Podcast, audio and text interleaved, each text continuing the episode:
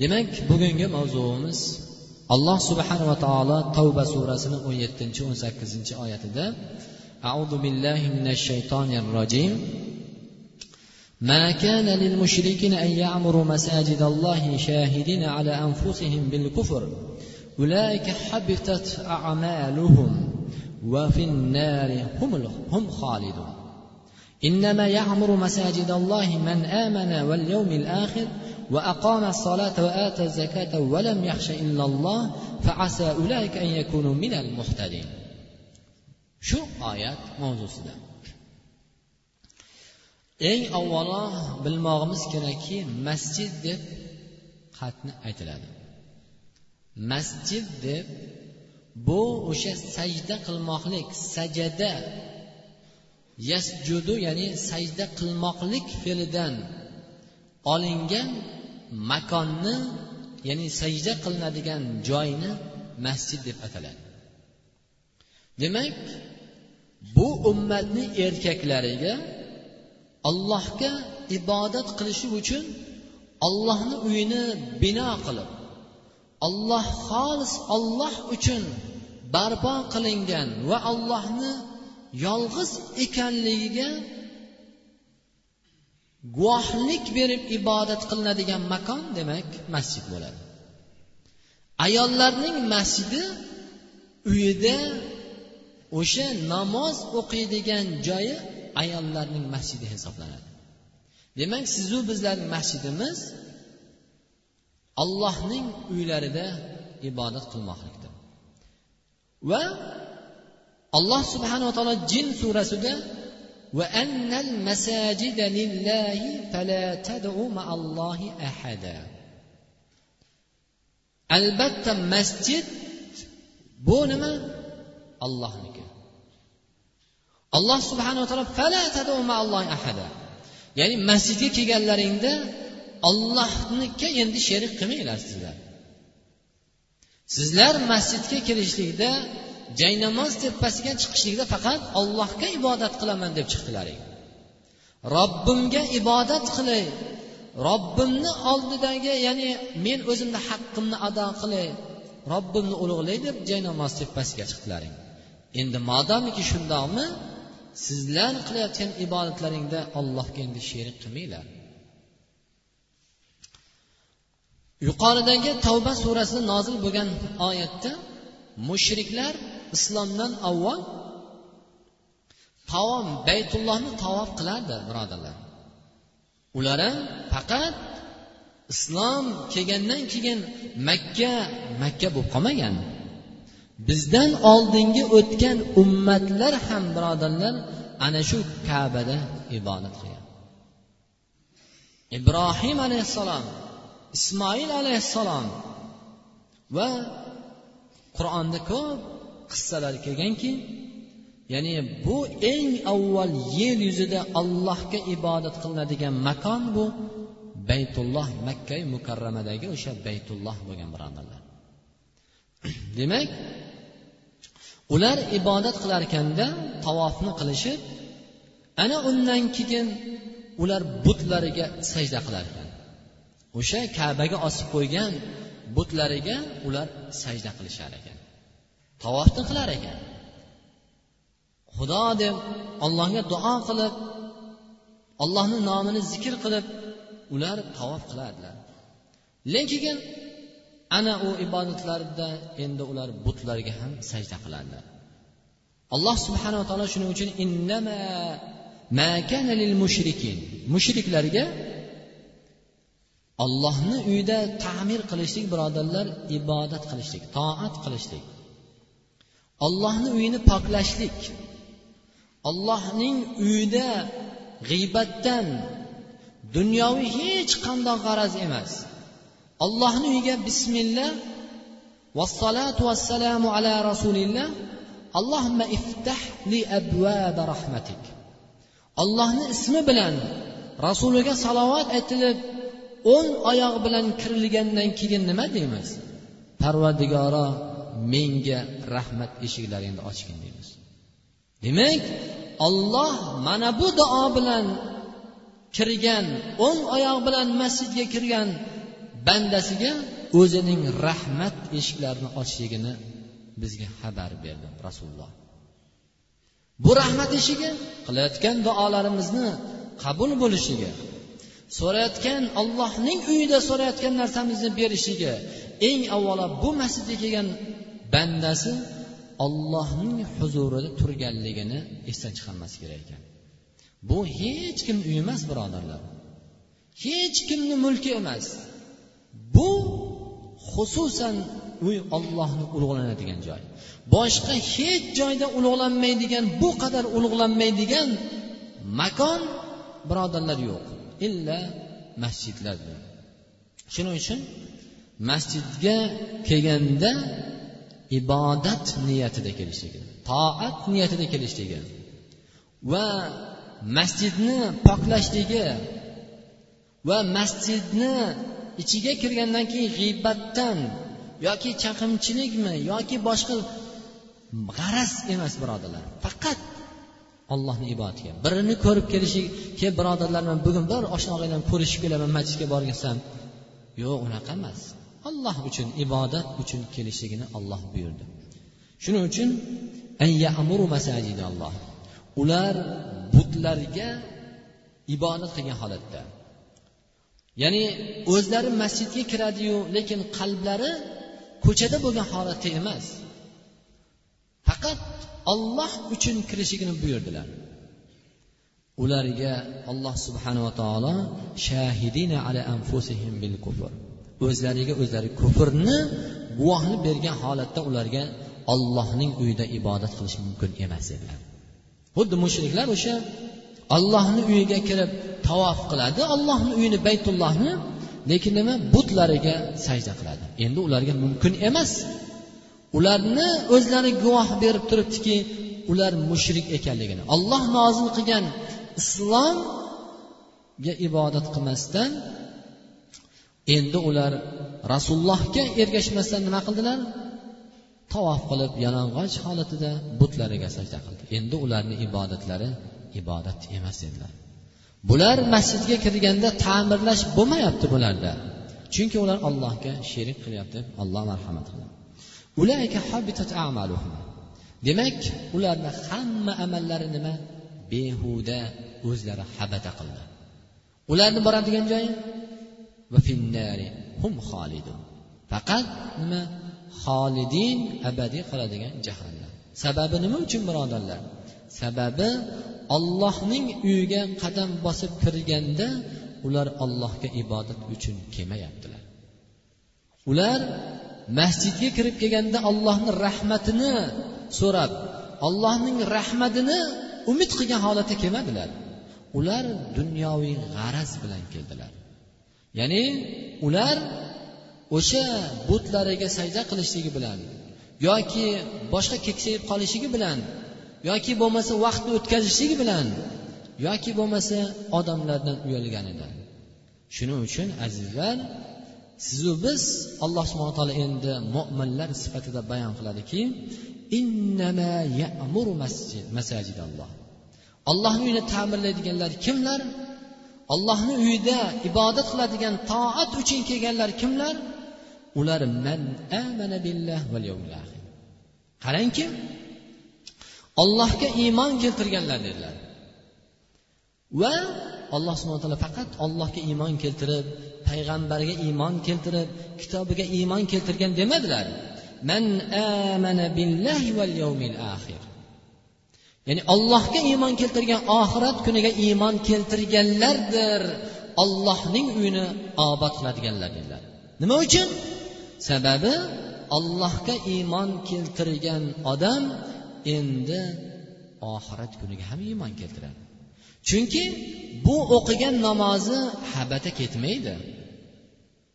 Bu ollohni uyiga qadam bosib kirdimi peshonasini sajdaga qo'ydimi buni alloh subhana taolo endi bekor havoga uchib ketmaydi. Chunki oxiratda bunga savob beradi dedi. Savob allohni jannati rahmatidir birodarlar. Shuning uchun agar masjidga kirsayu masjidga qilayotgan hatto bitta cho'pni hashayni olib qo'ygan odam ham birodarlar savobsiz qolmas ekan. Mana shu masjidga kirganingizda bitta kichkinagina toshni shunday ollohni uyini obod qilish ekan degan niyat bilan oladigan bo'lsak birodarlar. Xotirjam bo'laylik bu ham bizni olloh savobsiz qo'ymaydi. Alloh albatta ajr savob beradi. Nima uchun? Chunki olloh chunki allohga iymon keltirgan oxirat kuniga iymon keltirgan. Ana shu cho'pni olayotgan odam nima? Birodarlar oh, ollohga iymon keti oxirat kunidagi mani bir qiyomatdagi g'amimga tashvishimga olloh shuni kafforat qilarmikan degan niyatda oladi. Shuning uchun alloh subhana taolo masjidga kelayotgan birodarlar niyatlarimizni to'g'rilaylik. Agar peshonamizni sajdaga qo'ysaku vaqtimizni o'tkazishlik uchun yoki hayo bilan uyalganimizdan keladigan bo'lsak bu ham jazosiz qolmaydi. E banda masjidga kelding mani uyimga qadam bosib. Sen menga ibodat qilish uchun meni huzurimga kelganligingni bilmading san meni huzurimdan olinadigan mukofotlarni niyat qilib kelmading san umid qilmagansan. Shuning uchun seni o'qigan namozlaring o'sha dunyoda qolib ketgan hammasi. Degan malomatdan birodarlar qo'rqishimiz kerak ekan. Va aqoma solat va ata zaka namozni barpo qiladigan qoyim qiladigan. Bu badaniy ibodat bo'lgan jismiy ibodat bo'lgan ibodatni olloh bayon qildiki va aqoma sola. Va ata zaka ollohga yo'lida zakot bergan. Bu moliy topgan mol dunyosidan insonni qalbiga o'rnashib qalbini yulib berishlikdek bir qiyin bo'lgan nafs xohlagan shahvat xohlagan dunyosini olloh yo'lida yetim yesillarga infoq qilishlikni olloh bayon qildi. Valov valov yaxshi valam yaxshi illalloh. Ular ollohdan boshqasidan qo'rqmaydilar. Ularni qo'rquvlari ollohni bu dunyoda qilgan gunohlari bo'lsa olloh beradigan jazodan qo'rqib ular gunohlardan saqlanadi. Ularni ko'p narsa gunohlardan ushlab turadiki nima? Ollohdan bo'lgan qo'rquv. Ular qilgan har bir amali uchun ollohdan oladigan jazoni qo'rqqan holatida saqlanadilar.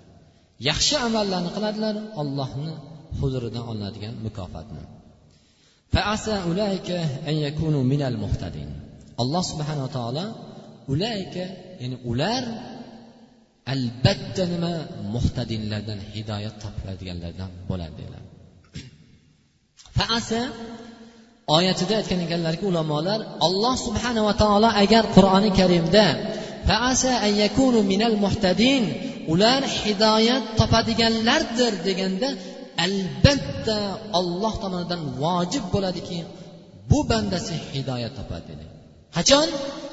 Yuqoridagi shartlarni qilsa ya'ni man amana billah val yawmil axir va aqama sala va atazaka va lam yaxsha illalloh ya'ni allohga iymon keltirsa oxirat kuniga iymon keltirsa namozni zakotni sadoqatlarni ado qilsa valam yaxshi ollohdan qo'rqadigan bo'lsa. Faqat bu bir haromdan saqlanishligi yoki halolni yeyishligi ollohdan qo'rqqanidan bo'lsa ana unda birodarlar bu odam nima muhtadinlardan bo'ladi dedi demak alloh subhanava taolo sizu bizlarga hadis qudusiyda an anas marfuan يقول الله عز وجل وعزة وجلالي إني لأهم بأهل الأرض عذابا فإذا نظرت إلى أمار بيوتي وإلى المتحابين في وإلى المستغفرين بالأسحار صرفت ذلك عنهم hadis qudusida alloh subhanava taolo men o'zimning ulug'ligimga izzatimga va jalolimga alloh subhana taolo qasam ichib olloh hadis qudusida bayon qildiki men ahlil ard yer ahlini azoblashga ehtimom ya'ni fikr qilgan alloh subhana taolo yer ahlini qilgan gunohlarini ularni ma'siyatlarini ularni bir birlariga xiyonatlarini ularni bir birlariga tuhmat bo'xton g'iybatlarini jamiki yer ahlida qilayotgan fasod ishlarini alloh subhana taolo ularni sababidan yer ahlini azoblashlikni iroda qilgan vaqtida nima qilar ekan? O'zining uyini toat bilan ibodat bilan poklab ta'mirlayotgan bandalariga qarab va alloh subhana taolo undan keyin va ilal mutahabbinafiya men uchun bir birlari bilan yaxshi ko'rganlarni. Birinchisi qarang. Ollohni uyini toat bilan ibodat bilan g'am tashvish bilan ta'mirlayotgan ibodat qilayotgan ollohni uyiga xizmat qilayotgan ollohni uyini barpo qilayotgan ollohni ollohni uyi uchun g'am tashvishda yurgan bandalarini sababidan birodarlar. Va ilal mutahabbina fiya va alloh uchun ular bir birlarini yaxshi ko'rganligi sababidan. Ikkinchi sifat. Uchinchisi va ilal mustag'firina. Ular kechalari uyqularidan kechib allohga istig'for aytayotgan bandalarni sababidan olloh azoblarini to'xtatar ekan birodarlar. Shuning uchun bir o'zimizga qarab qilayotgan amallaringni qarasak birodarlar yer yutib ketsa kerak deymiz.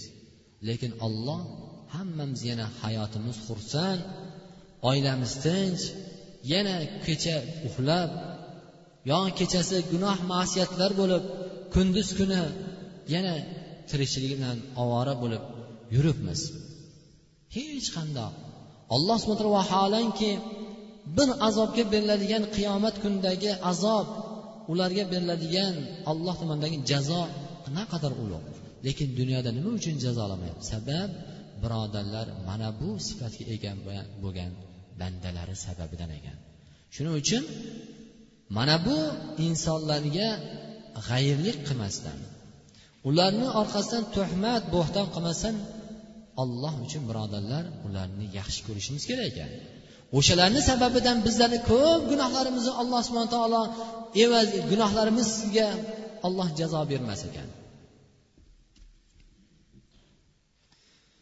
إن المساجد وقال عبد الرزاق عن معمر عن أبي إسحاق أدركت أصحاب النبي صلى الله, صلى الله عليه وسلم وهم يقولون إن المساجد بيوت الله في الأرض وإن حق على الله أن يكرم من زاره فيها sahobalarni shundan men u zotlarni topdimki ular aytardilar albatta masjidlar ollohning uyi.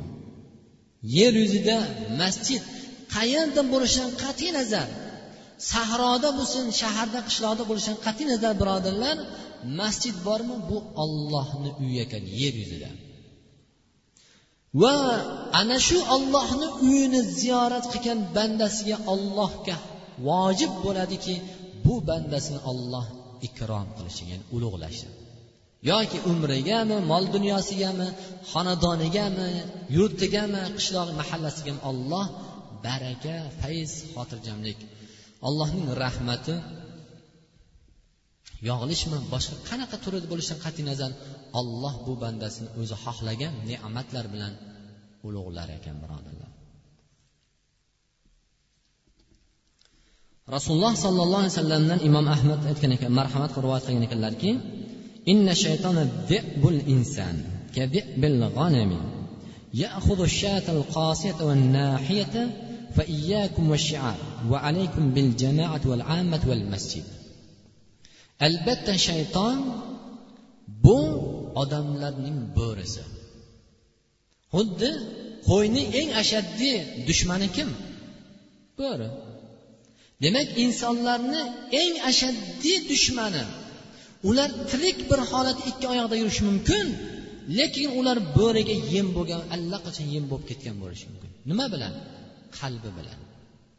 Qalbini allaqachon shayton yeb o'zini yo'liga o'zini xohlagan yo'liga solib qo'ygan bo'lishi mumkin. Shuning uchun shayton bu insonlarning eng yeydigan ularni qalbini iymonining o'g'irlaydigan ashaddiy bir yirtqichdir. Xuddi qo'ylarni yeydigan yirtqich bo'ri bo'lgandek.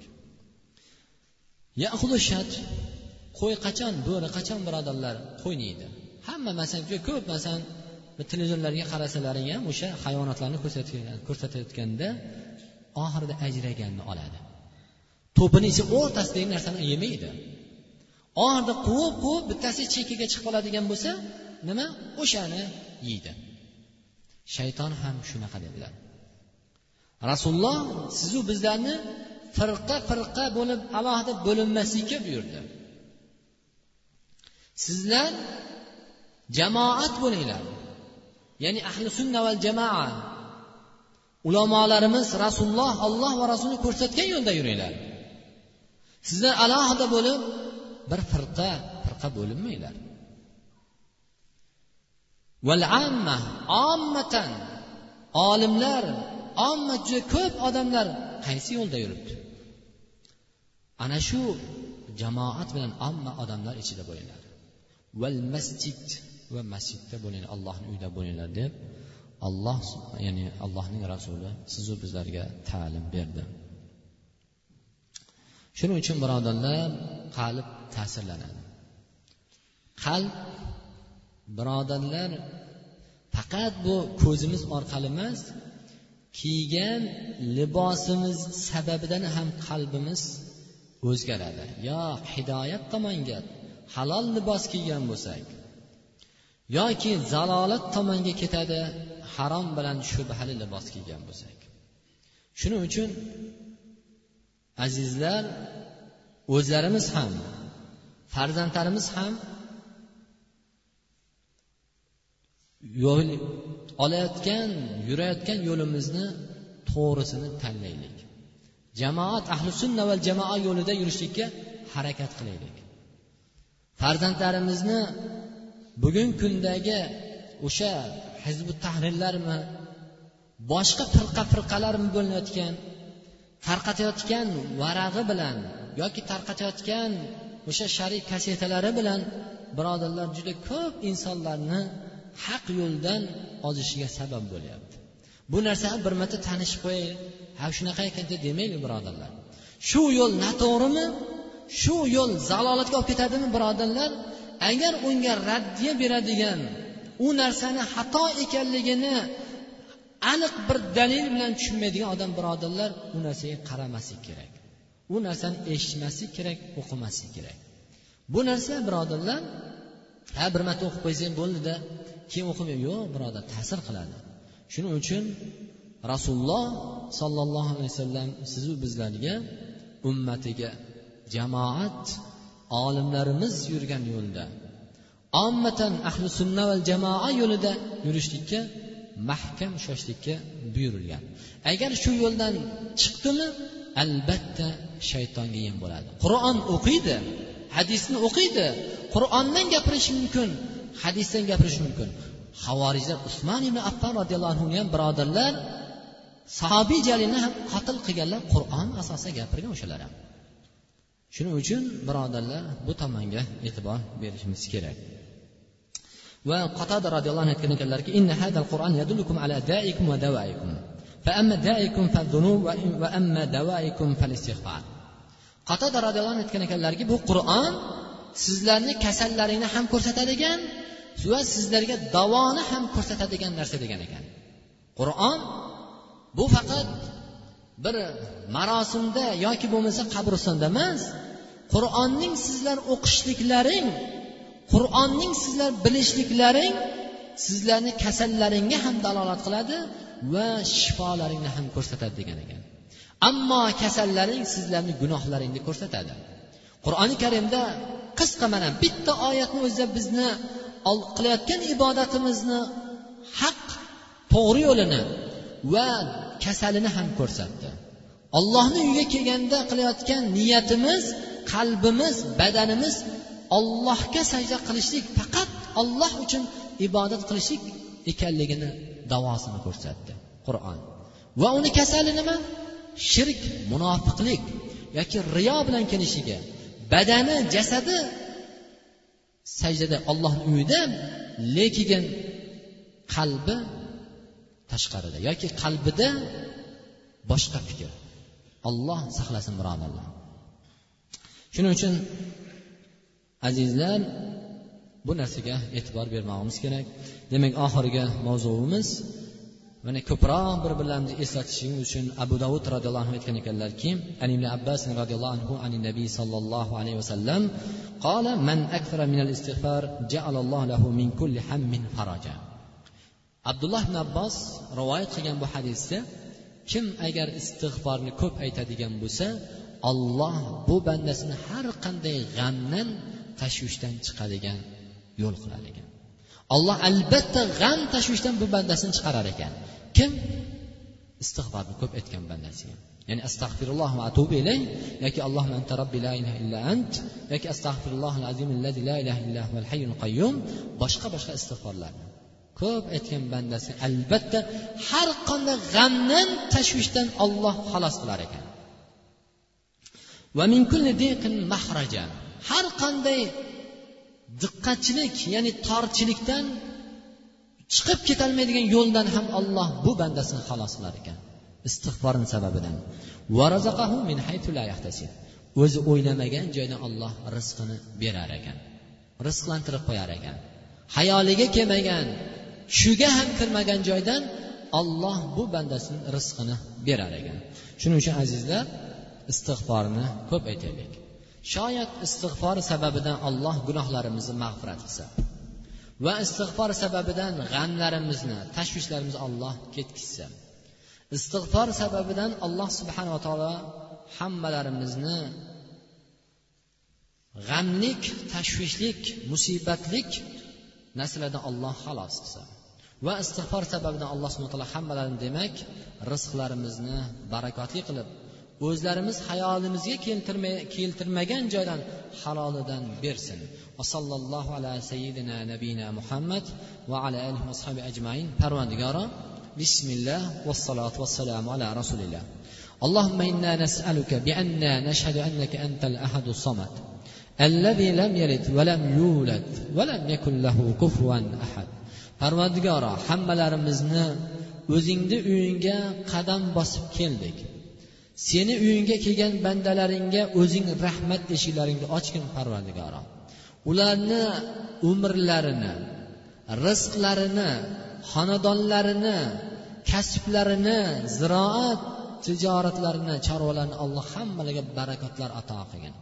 Xonadonlarning fayzlik muboraklik qilgin parvardigor senga ibodat qilayotgan seni ulug'layotgan bandalaringni olloh qalbiy jismiy dardlariga shifo ato qilgin اللهم إنا نسألك الهدى والتقى والعفاف والغنى اللهم أنت ربي لا إله إلا أنت خلقتني وأنا عبدك وأنا على عهدك ووعدك ما استطعت وأعوذ بك من شر ما صنعت وأبو لك بنعمتك علي وأبو بذنبي فاغفر لي فإنه لا يغفر الذنوب إلا أنت parvardigor hammalarimizni xonadonimizni mahallamizni vatanimizni tinchlik xotirjamlikda barqaror qilgin olloh yurtimizni ham mustaqilligini davomiy qilgin olloh bu yurtlarda o'zingni uyini ko'paytirib senga ibodat qilayotgan senga ulug'layotgan bandalaringni olloh o'zing hidoyatga boshlagin alloh rahbarlarimizni ham xayrli ishlarga alloh rivoj bergin وصلى الله على سيدنا محمد